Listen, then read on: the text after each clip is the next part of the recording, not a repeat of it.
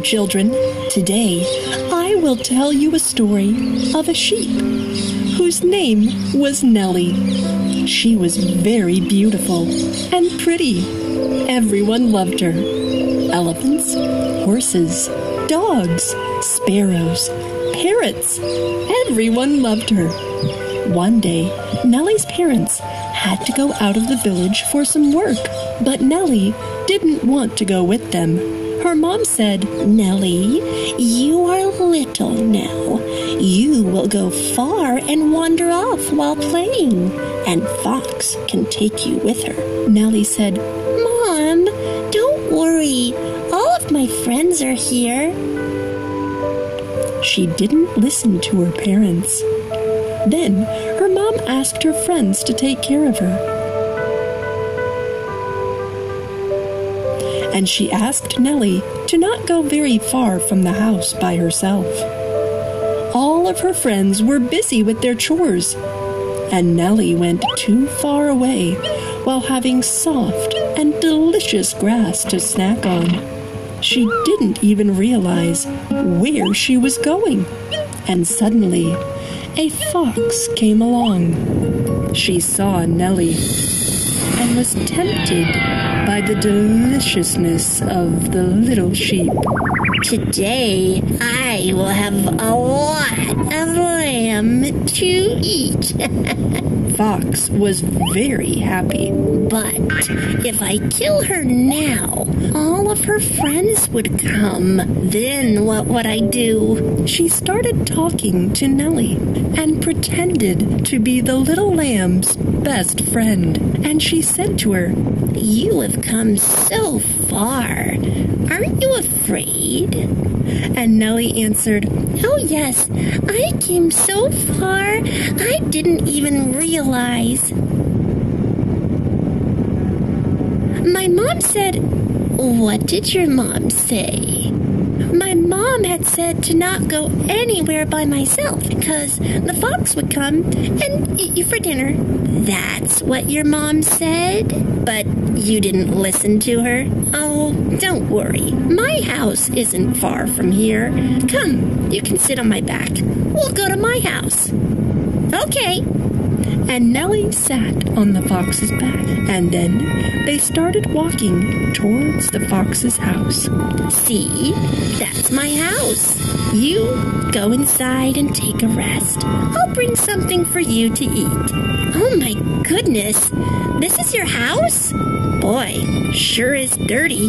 Why don't you clean it? Uh, you? You're here now. You can clean it. Fine, I'll clean it. Meanwhile, please bring something for me to eat. Nellie said, and she started cleaning the house. While cleaning, she found a piece of sheepskin. Nellie got scared. Oh no! What if this creature is a fox? I should have followed my mom's instruction. And she started crying. And suddenly she heard a sparrow's whistle. When she looked out of the window, she found it was her friend, the little sparrow bird.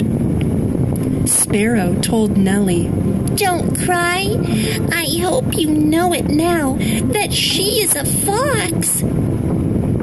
Now, we will do something to help you. She will not kill you that easily. You keep on talking to her like you did before.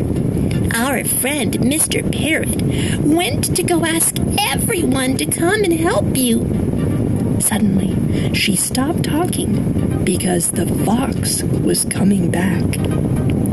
As soon as Fox was back, she said, I have brought so much food for you. First. I have some work in the jungle, so I'll be back soon. But, friend, I thought you were supposed to bring me back to my house. Your parents aren't home. You can stay here for a few days. Let me come back from my work. Then we will decide about dinner. Okay? Okay? The fox was gone, but she had locked the door very tightly. Now Nellie was getting nervous and she started crying. All she wants to decide about is when she wants dinner after she gets back. She wants to kill me. Suddenly, the sparrow whistled. All of Nellie's friends were here. The elephant was here, and he broke the door with his trunk. Soon, Nellie was out, and she could hear Mr. Horse and Mr. Dog, too. Can we go home? Nellie asked, and everyone said, No, we can't go home just like that. First, we have to teach this fox a lesson. Then everyone gathered together and made a plan to teach the fox a lesson. Do you know what that plan was? They put sheep on top of a roof. The cat was sitting at the front door, and the dog was sitting at the back door. Mr. Horse was guarding close to the door, and Mr. Elephant was guarding near the jungle. It was getting dark. Everyone was standing in their positions, and approximately at midnight, the fox came back. Fox was very hungry. She thought she was going to gobble up Nellie. When she opened the door, she found it was too dark. There was a wood log on the door, which was about to fall. Then the fox shouted, Nellie, where are you? Why didn't you light the lamp? But Mr. Elephant had kept Nellie on the rooftop. Then Nellie answered, My friend, I'm up here. Look, I'm so scared of foxes, you don't have to be scared. I'm back. Please come down now. Nellie answered, No, please come down. Why are you behaving like a little child? Okay, okay, fine. I'll come up there. She was about to jump on the rooftop when the cat attacked her. Meow, meow. The fox got scared and she thought she would go up by the back door. She went to the back door that was being guarded by Mr. Tipu.